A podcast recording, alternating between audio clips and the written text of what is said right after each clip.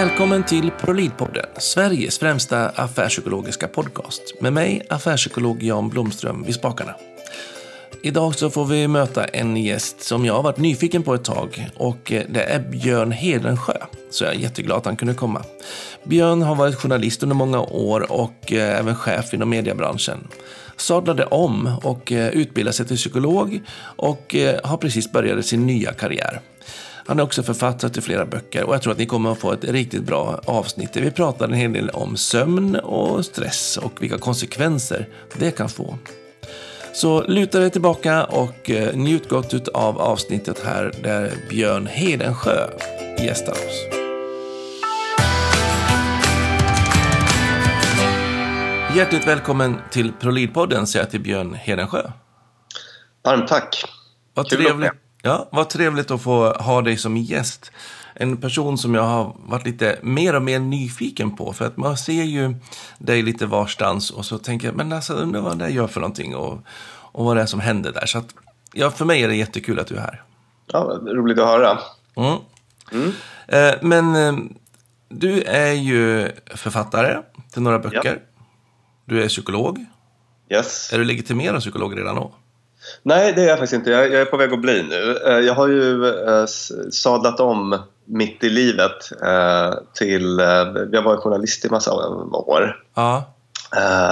Journalist och sen så chef i mediebranschen och sen så under någon pappaledighet så, så fick jag en du vet när man har lite mer tid att fundera på vad man vill med livet och sådär. Ja. Så, så, fick jag någon liten jag kände att jag ville, ville göra något helt annat och hoppade på psykologprogrammet. Sen är det en ganska lång utbildning. Ja, den bara hoppar man inte bara på by the way liksom. Utan... Nej. Den lär man ju ett val. Det, det, så, verkligen. Så att, eh, och eh, tog examen i, eh, i år faktiskt. Och nu, nu gör jag min så kallade PTP, motsvarighet till, till läkarnas AT då man får sin legitimation. Ja, mm. vad spännande.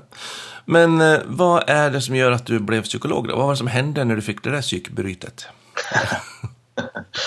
eh, ja, vad var det som hände? Nej, men jag kände mig på något vis lite liksom, färdig där jag var. Det, var. det var inte att jag vantrivdes. Jag hade kul jobb, kul kollegor, jag hade en helt fantastisk chef. Mm. Eh, och så, men det, det var mer att jag jag har ett ganska stort behov av att liksom dra igång nya grejer. Lite, lite så oro, orolig liksom entreprenörssjäl eller vad man ska kalla det. Ja. Jag, jag, vill alltid ha något. Så förvaltning är liksom inte din grej? Förvaltning är inte min grej, verkligen inte. Mm. Och det tog lite tid innan jag insåg det kanske. Men, men, men, då var jag precis inne i lite så förvaltande fas i mitt jobb. Jag, jag hade varit med om någon stor och drivit igenom någon stor omstrukturering på på en arbetsplats och, och det hade varit tufft men det gick väl till slut bra och sen så tuffade det på något år och jag kände okej okay, uh, nu behöver jag att det ska hända grejer och mm. vad skulle det kunna vara? Ja. Och då så började jag fundera igenom liksom alla möjligheter som fanns i mitt nuvarande yrkesliv så att säga. Att, att ja. jag skulle kunna ta något annat chefsjobb i, i den här mediekoncernen, Bonnier som det var då eller Eh, eller gå tillbaka till att bli skrivande journalist eller så. Och, och, allt det där var kul men liksom inte tillräckligt spännande på något vis. Nej. Och sen så har jag alltid i mitt liv varit intresserad av, av eh, människor och mänskligt beteende. Men under de här åren då när jag eh, jobbade som chef i mediebranschen så hade jag också fått ett liksom brinnande intresse för ledarskap och ledarskapspsykologi. Ja. Så tänkte jag att men shit, man kanske skulle jobba med det där i någon form. Ja. Eh, och då måste jag kanske gå psykologprogrammet och det är fem år. Och jag var, vad var jag då? 33 kanske, eller något sånt där, 34. Så att om jag ska göra den här stora förändringen så är det nu. Mm, kan inte äh, vänta för länge liksom. Inte vänta för länge, så då var det bara att ösa på helt enkelt. Mm. Mm. Vad kul. Alltså, jag, jag frågar lite därför att jag, eh, dels är jag psykolog själv, så att jag mm jag är ju otroligt glad att jag är, är psykolog. Jag tycker det är en otroligt bra utbildning. Mm. Um, men, men så också att när man är ute och träffar chefer och så, så är det ju många som kanske inte väljer att plugga till psykolog just, även om det finns några. Uh, men någonstans så kommer man till ett punkt i livet där man märker att man måste ha mer kunskap om det psykologiska området. Ja. Och sen fördjupar man sig i det. Och så blir man jätteintresserad liksom, av olika aspekter inom psykologin. Ja. Och det tycker jag mig se hos många. Sådana som kanske inte alls har valt en, en mer humanistisk bana från början, utan de har gjort den här karriärsbanan eh, och kör på. Och så märker man att, att man, man går som back varje år på kraften. Så Ja. att någonstans så måste man ju ta ett nytt grepp på situationen. Och då är det ju nästan alltid humanismen. Att förstå människorna i organisationen, människorna i affären, drivkrafterna bakom och så vidare. Ja, absolut. Och, och, och också många... Eh, man får ju många väldigt, liksom väldigt praktiska verktyg i sitt, i sitt dagliga arbete som chef. Mm. Ehm, tänker jag att... att eh, Faktum är att jag, min nästa bok som jag håller på att skriva nu Ja, den är så här. Eh, temat är allt jag önskar att jag hade vetat som chef som jag vet nu som när jag psykolog. är psykolog. ja. Eh, och så liksom 100 tips till mig själv, eller jag tror att det är 77 tips till mig själv. ja. Eh, Den är så- inte färdig än med andra ord. Jo, jo då, faktum är att jag skickade in, eh, jag skickade in först, en första version av manuset till min redaktör på Natur och kultur i förra söndagen. Så, Okej. att, eh, så att igår så kollade jag på, på, på Netflix för första gången på ett år. Ja. Eh, För annars har jag bara suttit och jobbat med den där på kvällarna. Det är in och ur de där bubblorna. In och ur bubblorna, precis. Eh, jo, eh, så att eh, jag, tycker att jag känner verkligen igen mig i det du beskriver. Att, att när jag själv var chef så kände jag att, att det var i många situationer där jag bara önskade att jag hade vetat eh, att jag hade haft någon liksom genomtänkt eh, strategi där man tog saker lite på uppstuds. Ja. Eh, Och ibland blev det bra och ibland blev det inte så bra. Och jag kände så här, jag skulle vilja veta varför det blev bra där och varför det inte blev bra där. Mm. Till exempel i svåra samtal om man hade eh, behövde hantera liksom väldigt arga medarbetare eh, när det handlar om att motivera på olika sätt och, och, och så. Mm. Men det är väl kanske också den här, jag tänker de här eh, omgiven av idioter och alla de här andra varianter av böcker som har varit så otroligt ifrågasatt här nu, i, utav, i alla fall av psykologkåren och, och de mer vetenskapliga branscherna. Eh, men eh, också liksom, varför, vad är det som gör att man får sån genomslagskraft? Och det är väl kanske också just det för att man ger någon typ av realistisk eller inte, eh, vill jag inte vara i debatten just här nu, men, men, men ändå att man ger någon typ av förklaring som gör att man kanske har en känsla av att jag förstår varför och inte bara att det blev bra. Ja, precis. Nej men verkligen. Jag tror att du har helt Just. rätt. Att det finns en, en, en stark liksom, längtan efter att försöka förstå eh, varför saker och ting blir som de blir. Mm. Sen tror jag också då, eh, om, man ska ge sig in lite, lite i den här debatten så, Mm. så tror jag att i, i, i en bok som Omgiven av idioter och så, eh, eh, så alltså, det, vi tycker ju som människor att det är väldigt härligt med etiketter. Mm. Enkelt och tydligt. vet jag precis. Då vet jag precis vad jag är för sort och vad jag har för begränsningar och möjligheter. Mm. Ehm, Det finns ju ett väldigt fascinerande... ehm, Är du bekant med den här Barnum-effekten? Nej.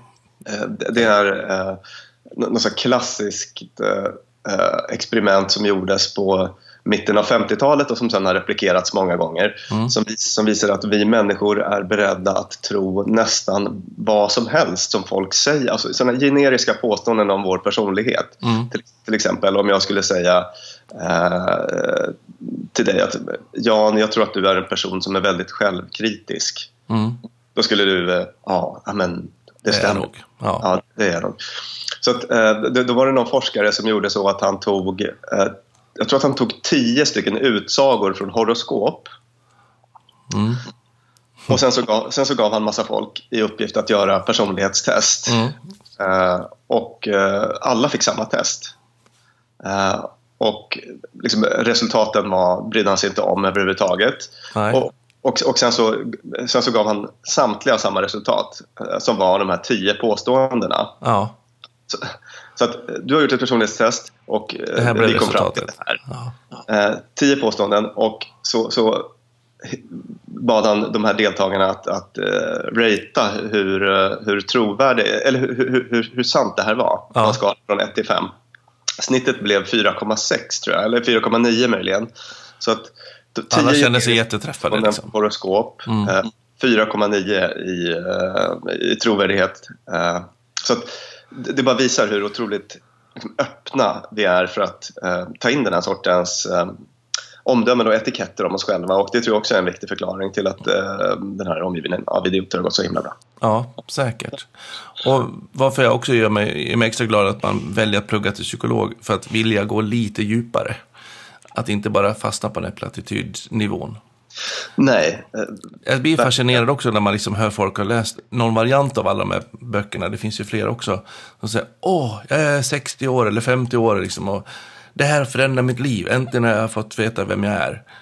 Men liksom, har man inte koll på det lite grann innan? Vi behöver ju någonstans gå in i oss själva och reflektera, tänker jag, för att kunna prestera gott, vare sig vi är chefer eller medarbetare, eller bara att vi kunna göra ett medvetna val i vilken typ av livssituationer det är vi lever i. Just det. Så um, till alla er som lyssnar, psykologi är da shit.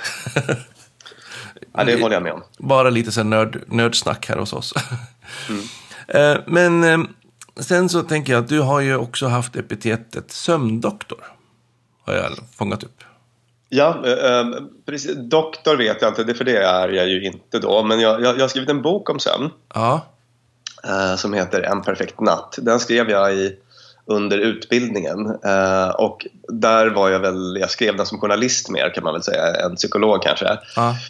Eh, en bok om sömn. Eh, jag blev väldigt intresserad av ämnet. Varför det? Eh, jo, jag tror kanske som många andra att, att jag jag var, blev småbarnsförälder. Ja. Och, det var, och det var första gången i mitt liv som jag på något vis reflekterade över sömn. När man inte sover? När man inte sover så börjar man helt plötsligt tänka lite grann på den här tredje delen av livet som man faktiskt ägnar åt sömn. Och, och jag hade inte tänkt på det mycket alls innan. Eh, men märkte hur otroligt påverkad jag blev av sömnen när jag inte sov. Mm. Och sen på psykologprogrammet så läste vi jättemycket om sömn. Eh, jag tror säkert eh, av fem år så var det ett halvårs studier kanske eller något sånt som vi i olika former ägnade åt, åt sömn. Och, ja. Och det på goda grunder för att man vet ju idag hur otroligt viktigt det är för liksom, psykiskt mående och prestation och vår, eh, vår förmåga att, att tänka ordentligt och, och stämningsläge och minne och eh, ja, listan fortsätter. Ja. ja, sömn är ju absolut viktigast tycker jag. Ja. När man också träffar chefer som är stressade och uppjagade. Och, så att man ser till att sova, det är det viktigaste ja, ibland, är det, ibland kan det räcka så att säga, hela vägen att komma, komma, komma till rätta med det. Men det, så det var egentligen din eh, egna brist på sömn under småbarnsåren som du ville förstå bättre? Som du... Ja, ja, lite så. Eh, samtidigt som jag, så att jag fick liksom ett personligt intresse för det samtidigt som jag fick ett professionellt intresse för det kan man väl säga. Det sammanföll. Ja. Eh, och i plugget då tyckte jag att jag lärde mig massa saker som gick lite på tvärs med sådana här sömnmyter som folk går runt och tror på. Så jag kände att, eh, så att min journalistiska instinkt vaknade också att här finns det massa eh, liksom roliga historier att berätta och myter att, att krossa och eh, det, kan bli kul att läsa det här. Mm. Så, så det, var, det var de sakerna sammantaget. Och vad är det, liksom, om du ser liksom i, i allmänheten då, vad är det för största myter vi har kring det här med sömn och sömnbrist?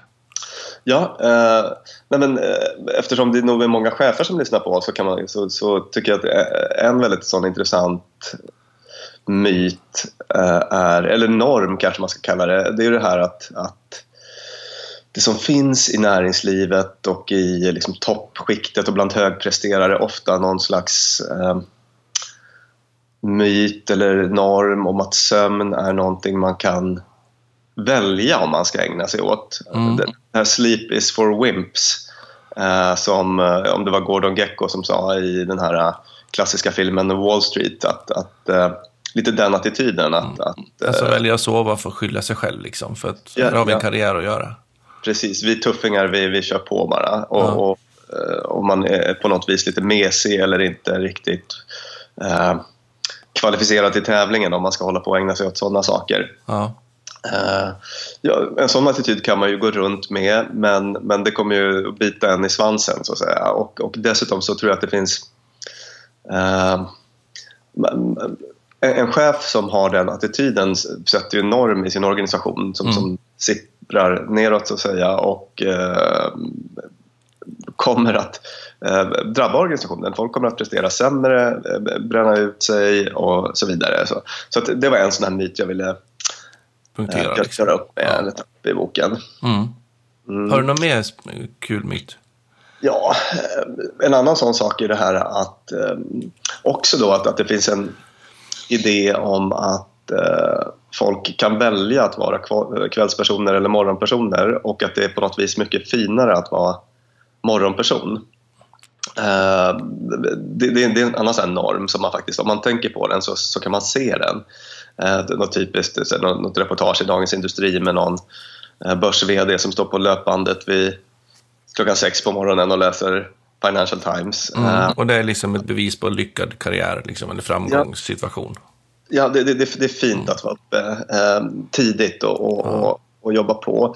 Uh, och, och då också att det finns någon idé om att, att man kan välja att, att vara den personen. Men, men, all forskning visar nu att vi, vi föds med liksom en genetisk tendens att vara antingen eh, tidiga morgonpersoner, kvällspersoner eller någonstans mitt emellan. Och faktum är att eh, det, är lite fler personer som drar åt kvällshållet än som drar åt morgonhållet. Mm. Så att eh, om det finns en sån stark norm så kommer det också ställa till det för massa människor. Och jag tycker att det är lite det är bara lite, eh, det, det, är på något vis en rest från bondesamhället som lever kvar. Mm. Eh, då kunde det finnas på, på något sätt liksom tydligare fördelar med att vara uppe väldigt tidigt. Upp och mjölka korna liksom. Upp och mjölka korna och sånt. Mm. Och dra nytta av dagsljus och lite sådana andra parametrar. Ja, som inte riktigt finns idag. Idag kan man lika väl sitta och knacka kod eh, vid midnatt mm. när alla andra ligger och sover och, eh, och så att säga ha en konkurrensfördel i den ändan av dygnet. Mm. Eh, så, så att det, det, det är bara lite Eh, något, något gammeldags tankesätt som har satt sig i en norm som fortfarande lever kvar. Det är också, jag tänker, en, en, alltså bara prata om sömn på en arbetsplats, det gör man ju kanske inte så himla så ofta. Eh, men vad viktig den ändå är och också kunna ta diskussionen och se på hur behöver vi lägga våra möten. Eh, och, och, det här gäller ju kanske ännu viktigare idag när man även behöver väga in hur ser det ut om man har småbarn, hur är det med bussar och sådana saker, liksom vilken livssituation är vi lever i. Ja. Så att vi kan få liksom vår tillvaro att, att liksom få tillgodose fler behov. För det ser vi ju jättetydligt hos framförallt den yngre medarbetarskaran tycker jag. Att man, man förväntar sig att eh, kunna få andra behov tillgodosedda också än bara arbetsgivarens. Ja. Så att, eh, att man liksom kanske inte lägger möten direkt klockan åtta på morgonen utan man kanske lägger de viktiga möten lite senare. Ja. Så att alla får utrymme att liksom vara med och prestera bra. Ja. Det, det, och där tycker jag att där kan man ju då utnyttja också de, de tekniska landvinningarna. Mm. Uh, här sitter du och jag har ett möte uh, via Skype nu till exempel. Ja, uh, det hade en söndag morgon. en söndag morgon. Det hade ju varit bra mycket besvärligare om jag hade varit tvungen att ta mig till, till, till Gotland. Ja. Uh, till exempel då. Så, så, så, um, det, det, är en sån grej som faktiskt kan ta bort ganska mycket stress och liksom öka flexibiliteten. Men det är lite dubbelt för att när man flyttar in kontoret i hemmet mm. så det blir den här gränslösheten då så att säga. Att, att mm. Eh, det blir den här tydliga avgränsningen mellan arbete och, och fritid luckras upp. Mm. Eh, vilket, vilket för vissa personer kan, kan skapa, skapa stress. Så att, um, det, och det ser man ju hemskt många, tycker jag, i alla fall i mina sociala flöden nu. Eh, verkar ju vara hemskt mycket drev i att försöka hitta, eller drev, ja, men i alla fall trender, tendenser. Att eh, att liksom organisera hur man hanterar sin mobil till exempel. Att man tar den inte med på övervåningen, att man har liksom telefonfria tider, man går in social detox eller allt vad ja. man nu vill kalla det för. Mm. För mig handlar det mycket också om att, att egentligen bara hitta förhållningssätt. Alltså, så länge inte vi gör de medvetna valen till den situation och de utmaningar vi står inför så blir det ju stressande. Ja. Men gör vi ett angreppssätt på det, då mm. kan vi ju hantera det. Ja. Och, man hör ju oftast att oh, det är så stressigt och det blir så gränslöst och det blir si och så. Mm. Och, men för mig handlar det om att man inte har gjort de här valen, inte gjort de här besluten och ställningstagandena. Vad tänker ja. du kring det? Nej, det, det, det, tycker, det tycker jag låter äh, äh, rimligt. Äh, så att säga. Att, att, jag tror att för många så kan det kanske, alltså det blir lite på något vis, nej, nej men man, man, gör inte de valen därför att man man, man, ser inte riktigt att man har möjlighet att göra det kanske utan att man blir på något vis lite överväldigad av, av all ny teknik och eh, Och det har ju många av oss män, tycker jag, kanske extra lätt att ramla i den fällan. Det går en reklam på, på tv nu om, om kylskåp som larmar om, ström, om det blir strömavbrott så får man ja, det där i appar och allt vad det kan vara. Mm. Eh, olika tvättmaskiner, diskmaskiner och allt sånt där. Men liksom, vad gör man om man är på jobbet och det blir strömavbrott och det kommer ett meddelande? Det blir bara ytterligare stressinformation. Just det. Så att någonstans också välja vilka situationer, vilka information jag vill ha. Ja. Måste vara viktigt.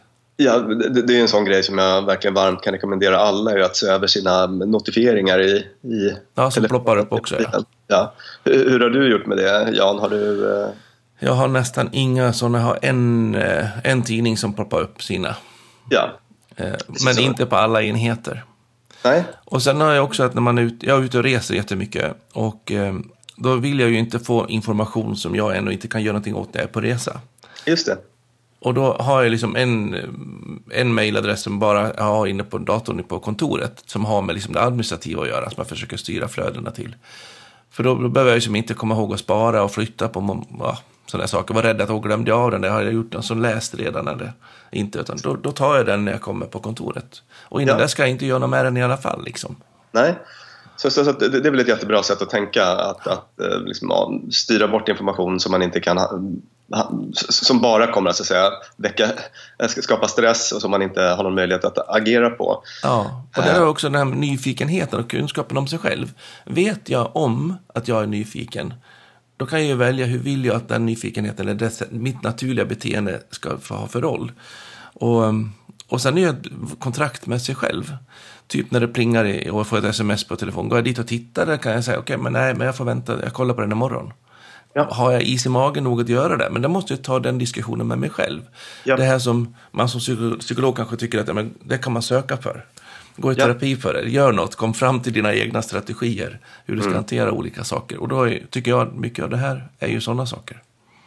Ja, eh, om, om man ska så säga, formulera målet, då tycker jag att det är så här att, att du, ska, du ska välja själv vad du ska agera på. Liksom din, din telefon eller din teknik ska inte välja åt dig. Nej. Eh, för det, det finns ju... Eh, man brukar väl säga att, att eh, runt hälften av de beteenden som vi ägnar oss åt en, vanliga dag, en vanlig dag sker på autopilot. Alltså det, det är va- vanor som är så djupt rotade att vi, inte, vi gör saker utan att tänka på det. Mm. Eh, och eh, mobilen, eller de här smartphones, har ju skapat en, en mängd sådana vanor. Jag- Jag såg en väldigt intressant och talande undersökning som visade att eh, det, det var något undersökningsföretag som hade följt 100 försökspersoner tittade på hur ofta under en dag som de tog på sina telefoner. Mm. Och eh, de 10% i toppen hamnade någonstans på vad var det, 5600 gånger.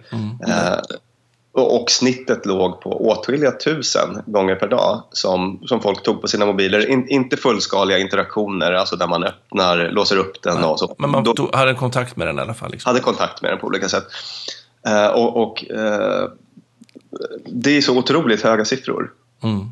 Och när, ibland ute på föreläsningar så, när jag frågar folk om hur ofta tror ni att ni tar på er mobil en vanlig dag, då brukar de som gissar högst brukar säga 200 gånger kanske. Ja. Eh, så, så, att, så att mycket av det här sker, sker helt omedvetet, det vill säga utan att vi väljer. Eh, Så att, då tycker jag att då ska man, får man jobba med att liksom återta kontrollen över, över sitt beteende. Och ett sätt att göra det är att skapa såna här regler på olika vis, sådana som du beskriver. Med, Mm. eh, inte ta med sig mobilen upp på övervåningen eller att jobba med sina notifieringar och vad som poppar upp på skärmen och så. Att liksom Mm. återta kontrollen eh, över ditt beteende. Mm.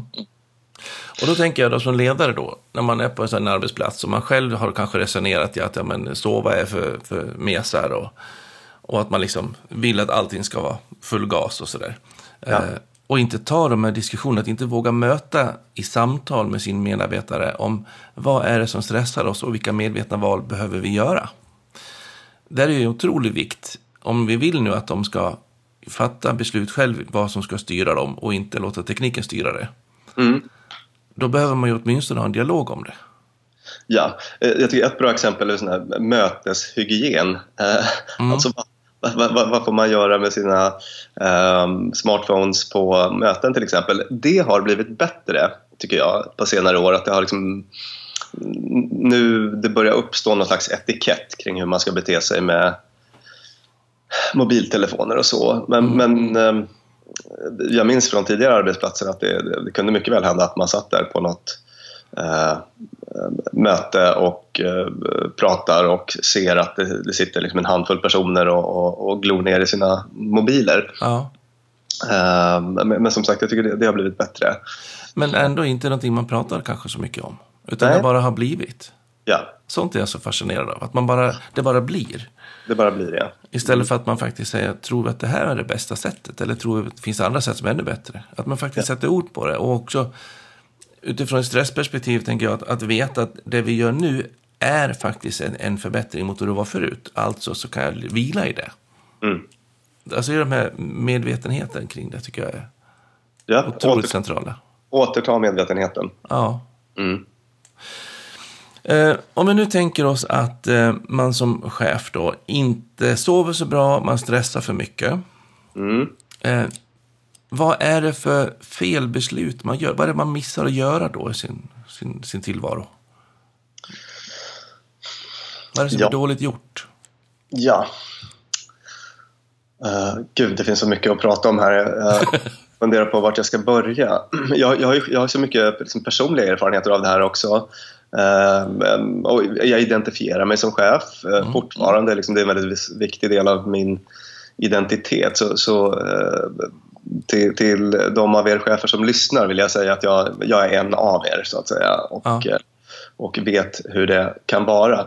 En sån sak är att man som chef är ju man är ju fortfarande människa med hämtningar och lämningar på fotbollsträningar och eh, dagis och skolor och, och, och liksom hela det här livspusslet. Mm. Eh, så, så, så, man har ju allt det där också. Nej, men vad, vad, vad, gör, man, vad gör man fel? Ja, en... Det, det finns ju no några, några vanliga fällor som vi trampar i lite till mans. Så, mm, eh. Man kan börja med det här med, med liksom bråttom-beteenden. Att man på något vis försöker effektivisera hela sin tillvaro. Mm. Eh, jag tänker att man säger att man åker buss till jobbet eh, och eh, halvjoggar eller till och med heljoggar till, till busshållplatsen alldeles oavsett om man har bråttom eller inte. Nej, för att man har liksom tempot uppe redan. Man, man, man, har tempot uppe redan. Man effektiviserar hela tillvaron. Mm. Uh, och man gör det på autopilot också, utan mm. att vara medveten om det. Man kastar i sig maten på tio minuter. Och, uh, stående frukost. Stående frukost. Man effektiviserar läggningen av unga. Det finns liksom inte en aspekt av livet som man inte, som man inte effektiviserar. Uh, och eh, det, det, är problematiskt på, på massa olika skäl. Då, av massa olika skäl. Um, ett är ju att det, det, så att säga, ens beteende triggar en, en, eh, en stressrespons. Så att mm. man rent fysiologiskt så att man, man går runt på något vis i, i, i någon ständig fight flight uh, uh, kampflyktläge med, med mm. fysiologiskt påslag. Och, och, och, det som är grejen med stress är ju att stress i sig är inte farligt utan det är stressen som vi aldrig kommer ner ifrån som är farlig. Alltså när stressnivån är konstant hög och mm. vi inte har återhämtning. Och när vi har den där sortens bråttom-beteenden ständigt och jämt så, mm. så, så, så, är vi i en mer eller mindre konstant uh, stressreaktion och mm. det, det är då det blir problem över tid. Och vi får jätteproblem med sömnen mm. också då till exempel. Uh, så att det är en sån en sån sak. Och för att, för att återknyta till det här som vi pratade om nyss Jan med, med att liksom återta att bli medveten om saker, återta kontrollen, få syn på det man ägnar sig åt. Det är precis vad det här handlar om. Att, ja. att bli medveten om, om, om massa vanor och beteenden som man har på autopilot. Och man kanske då typ i coachning och sånt där får den här medvetenheten. Men att man också får hjälpa faktiskt i ett val, ett ta ställningstagande. Vill jag fortsätta med det eller inte? Ja. Så att man inte, för det kan jag tycka ibland att jag, men jag vet att jag är sån och så fortsätter man i alla fall. Då har man ju någonstans trott att den här medvetenheten egentligen gör mig fri för att fortsätta göra fel. Ja. Eller osunt. Yep. Så att gör ett val. Så, det är mitt tips också.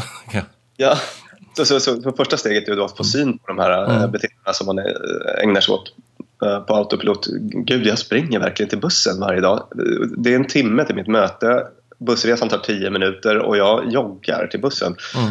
Att, att man liksom får upptäcka det till att börja med. Mm. Och sen, sen så en sån här sak som, som eh, man jobbar med, med med stresspatienter då, är att eh, testa alternativa beteenden i den situationen. Att göra tvärtom. Att halv, liksom gå hälften så snabbt Mm. som, du, som du skulle ha gjort normalt. Eh, Och då blir jag ju jättestressad. Ja, Det är oftast reaktionen väl? det är oftast reaktionen och det, det är fine. Eh, så, så, så känns det ju till en början. Men då får man liksom testa att göra det, se vad som händer. Eh, utvidga sin beteenderepertoar som, som, som eh, det heter på psykologspråk. Då, att man får testa att testa andra beteenden, se att de också kanske funkar och få en större valmöjlighet. Mm. Att, gå till, att gå till bussen behöver inte, eller att ta bussen till jobbet behöver inte innebära en joggingtur utan jag kan välja mellan en joggingtur om jag har bråttom Mm. eller gå sakta om jag inte har bråttom. Så, att. Ehm, så att man får en större repertoar av, av beteenden att välja emellan istället för att bara automatiskt eh, göra eh, ett beteende som inte är bra för en på sikt. Mm. Så det är en sån grej. Eh, En annan sak som jag skulle vilja ta upp är det här med nedvarvning. Apropå det här med, vi Ja. pratar om, om gränslöshet i, i, i det nya arbetslivet. Det här där jobb och fritid flyter ihop. Eh, eh, och det är att, det ser man också med, med, med sömn då, att för, att för att sömnen ska funka så behöver vi åtminstone en timme, gärna två av pulssänkande aktivitet på kvällen. Det vill säga att man ägnar sig åt någonting som, som gör att man kommer ner i varv rent, rent fysiologiskt. Ja. Så en aktivitet som, som sänker din puls, eh, vad, vad kan det vara? Eh, fundera lite på det och, och, eh, och ge dig själv utrymme för det Mm. på kvällen. För att det är annars en, en, en vanlig tendens i, i våra eh, högeffektiva liv att vi kör på ända in i kaklet. Man har Eh, lagt banan, sen sätter man sig och börjar vråljobba och tänka lösa pro- stora komplexa problem. Och sen går man rakt och lägger sig. japp, precis. Och, Inte bra.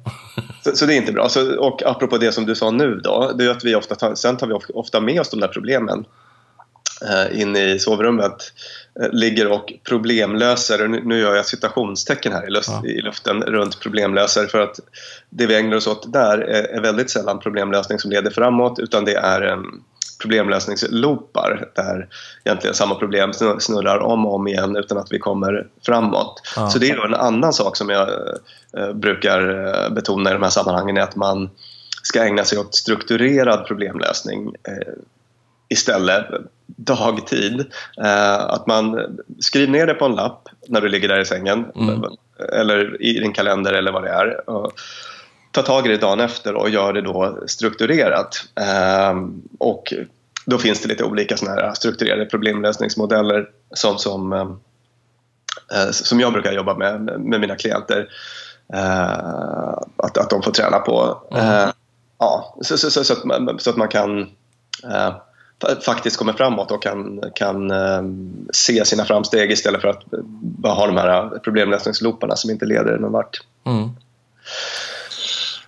Ja, verkligen kloka tips. För där behöver man ju verkligen bromsa upp. För, för du har ett annat begrepp som jag är lite nyfiken på också. Som Mm. ligger lite grann åt det hållet, tänker jag mig i alla fall. Det kan vara ute och cykla där. Men eh, beteendeekonomi Ja. är lite någonting du pratar om ibland, har jag förstått. Eh, ja, eh, precis. Det, det, det, Vad är det för något? det är ju den, man kan väl säga att det är där ekonomi och eh, psykologi möts, eller ekonomisk forskning och psykologisk forskning möts. Forskning om beslutsfattande helt enkelt. Mm. Och där handlar det till ganska stor del om att bli uppmärksam på alla eh, vanliga tankefel som vi människor gör. Eh, Och, och tänker jag då att om man ska vara uppmärksam på vanliga tankefel mm, och så har man kroppen i ständigt springläge. ja, Då stannar man ju inte upp och ser de där sakerna oftast. nej. Det, det, det, det är dagens sanning.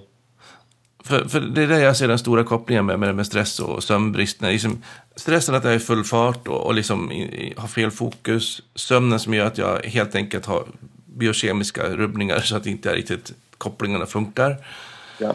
Eh, och i det läget ha en koll på det här be- beslutsskeden, kopplingarna där med, med beteendeekonomin. Jag kallar mig för affärspsykolog, i min, Ja. är min titel. Eh, och för mig är det att fusionera psykologi och business, alltså beteende och effekt eller nytta. Ja. Eh, och det ligger ju mycket mot det hållet med, med, med att kunna ha koll på vad det är som händer när vi ska fatta beslut. Och vart ska vi?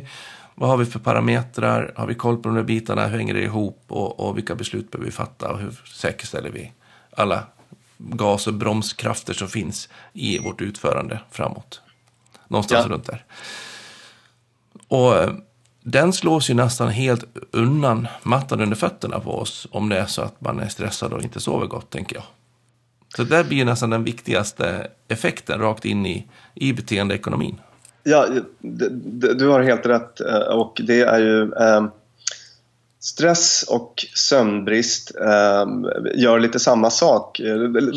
De hänger väldigt nära ihop. Ja. Liksom intimt sammanlänkande och ställer till med lite samma saker i hjärnan kan man säga. Att, att man eh, kopplar ner prefrontala cortex, de här främre delarna av hjärnan där vi eh, liksom ha, har liksom resonerande funktioner och, och, och logiskt tänkande och så. Mm. Eh, Och, eh, och istället blir vi mer liksom, känslomässigt reaktiva och så. Mm.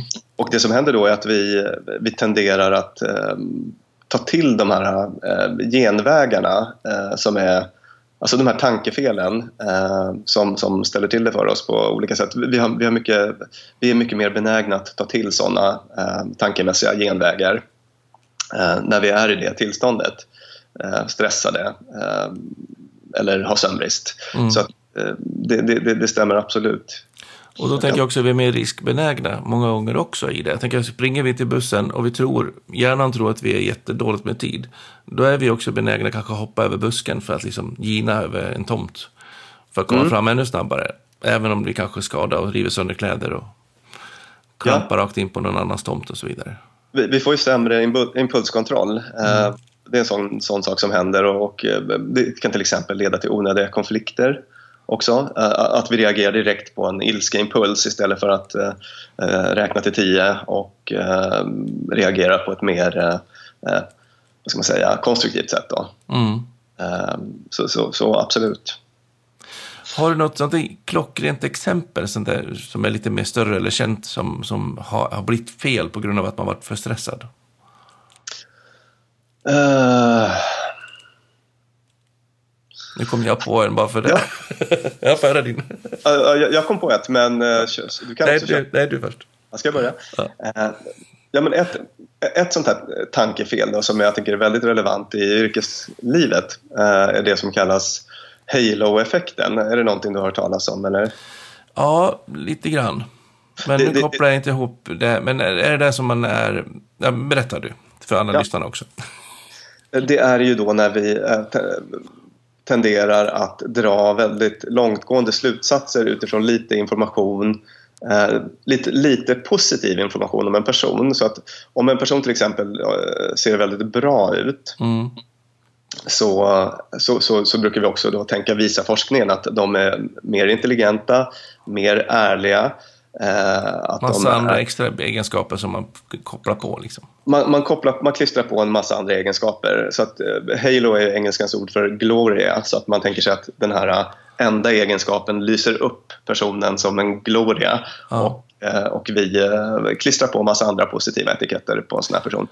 Vilket har man sett i forskning massor av olika studier eh, leder till stora problem i rekrytering för att vi tenderar då till exempel att, att, att ge eh, personer som är fysiskt attraktiva eh, jobb som Mm. de kanske, när det finns an- andra bättre kvalificerade sökande. Ehm, Det här märker man ju också mycket när det gäller integrationspolitiken idag.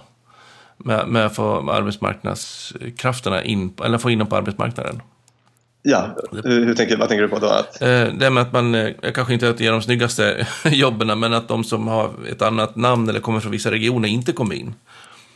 ja, att, att Det, det, är samma som, principen, men det kanske inte kallas Halo-principen. Det kanske heter något Ja. annat. det hänger ju ihop det där. Att Ja. det, det finns en stereotyp, st- massa stereotyper så att säga. Och, och det, sånt stereotyptänkande är, är också ett exempel på en sån genväg som vi tar till. Mm. Och de här genvägarna de tar vi till eh, i ännu högre utsträckning, precis som du var inne på, när, när vi är eh, stressade, trötta och så. Eh, Mm. vi, vi, har, vi har, då har vi ännu mindre energi att avsätta till, en, till ett resonerande resonemang och eh, eh, ja, så, så, så då, då, tar vi till sådana eh, tankefel och trampar snett och mm. så blir det dåliga beslut. Eh, mitt, mitt lilla bidrag till den frågan, det var egentligen decemberöverenskommelsen. Mm. Tänker jag. Men att man eh, har många aspekter som behöver vägas in i ett beslut. Eh, och i en sån beslut så är det otroligt många nivåer och konsekvenser och sånt där som man inte riktigt tar sig tid att se för att man får tunnelseendet, man, man gör här felkopplingarna, man liksom läser in på irrvägar. Och sen mm. så har man kort med tid som gör att man någonstans också tvingar fram ett beslut eller ställningstagande som inte är färdigt undersökt, underbyggt. Ja. Och då eh, håller det inte. För, för, för, Löfven så var det väl en, en, en bra förhandling, tänker jag. Så kanske det var i och för sig. Eh, men ändå som, som, som fenomen i sig så var det en, en, en lansering som ändå man fick lov att ta tillbaka. Ja. Mm. Därför att mm. den inte var genomarbetad. Just det. Mm.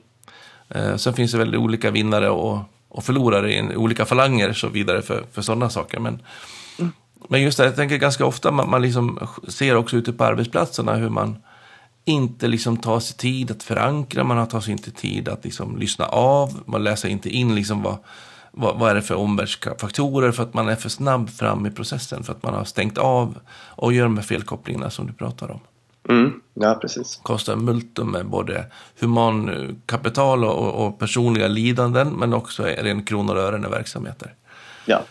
Som, som är, så stress är en otroligt dyr och dålig det, tillstånd. Det, det, det, är det ju verkligen. Och eh, jag tänker på, det finns ju nu också, eh, det finns mycket forskning om kronor och ören eller beräkningar på vad det kostar till exempel med, med, en, eh, med en person som får utmattningsdepression eller som går in i väggen som det kallas populärt. Och, ja. och Eh, det, det, blir enorma kostnader. Eh, jag har faktiskt inte, jag har ingen summa i huvudet nu även om jag såg en sån alldeles nyligen men där man hade beräknat någon snittkostnad per, per anställd som drabbas av det för företaget. Ehm, de, de, det är personer som försvinner från arbetsplatsen under lång tid och sen eh, också kan komma till, det går väldigt sakta att komma tillbaka. Det måste vara så för att man kan inte lasta på en person som har blivit utmattad eh, för mycket på en gång utan de måste gradvis få komma tillbaka sen. Ja, och man, många kommer inte ens tillbaka utan man måste till något annat ställe. En annan nivå. Man måste till någon annan, lära upp från början och så vidare. Så att, eh, visst. Och eh, en aspekt till är också att det är faktiskt ett antal som väljer att avsluta sina egna liv på grund av den situation de hamnar i. Ja. Så det är faktiskt en fråga på liv och död i botten. Ja, det är det. det, är det. Helt klart. Vad spännande. Massa kloka tankar och idéer. Och eh, jag är ju eh, så glad att vi får till det. Men jag tänker också, du har skrivit en bok som heter En perfekt natt, handlar om sömnen. Mm. Du har skrivit en bok som heter Tid att leva, som handlar om stressen. Ja. Och snart kommer en bok om eh, tips till dig själv. Ja, den, den kommer ut i... Har du titeln klar där? Eh, ja, den heter uh, Helikopterfaktorn, en överlevnadsguide för chefer i digitalåldern. Det korta uh, namnet, ja. Precis.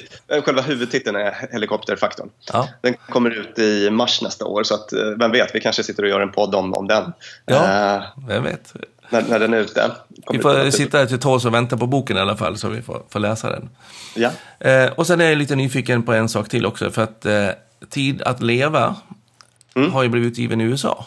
ja, förstått. precis. Den kom ut i juli i somras eh, och har en jättelång titel på engelska. Ehm, den heter eh, The Mindfulness and Acceptance Workbook och sen så heter den jättemycket till. Ja. Eh, du vet en sån här lång amerikansk undertitel. Men, ja. men ja, den är utgiven i, i, i USA. Hur kom, hur kom det sig? Där? Så det är inte det första landet man kanske tänker på som andra utgivningsställe? Hur kom det sig att du blev utgiven där? Uh, ja, jag har skrivit den tillsammans med, med två andra. Uh, en som heter Fredrik Livheim som är forskare på KI ja. och en som heter Daniel Ek som inte är Spotify-grundaren utan en, en annan Daniel Ek. En annan Daniel Ek som är psykolog och expert på utmattningssyndrom bland annat. Ja. och Fredrik är väldigt, alltså han är, har väldigt goda kontakter i, i forskarvärlden i, i hela USA och hans forskning är väldigt uppmärksammad och sådär. Så, så att, eh, det var, på, det var på, på, på den vägen, via honom kan vi säga, som, som den gavs ut där. Ja, fascinerande med olika vägar. Ja. ja. Lycka till då på den amerikanska marknaden och på den svenska marknaden. Stort tack. Ja. Och tack för idag. Tack själv. Även du, jag måste fråga, du, om man vill veta mer såklart, vad får man tag på dig om de lyssnarna vill få kontakt med dig? Ja, om lyssnarna vill få kontakt med mig så jag har en hemsida som är eh, förnamn och efternamn.se, alltså bjornhedensjo.se. Ja. Eftersom man får ta bort, ta bort prickarna där. Och ja. där finns egentligen all info man kan önska, kontaktuppgifter och eh, så vidare. Och sen och, har du en egen podd? Har en podd tillsammans med eh, Lina Thomsgård som heter Dumma människor. Och den handlar om eh, precis det här som vi pratade om tidigare med alla de här tankefelen som vi människor gör och hur det ställer till det för oss på olika vis. Eh, vi tar upp ett sånt tankefel per avsnitt. Ja. Mm. Så där har ni massa kanaler in. Följ Björn Hedensjö. Tusen tack för att du kom. Tusen tack.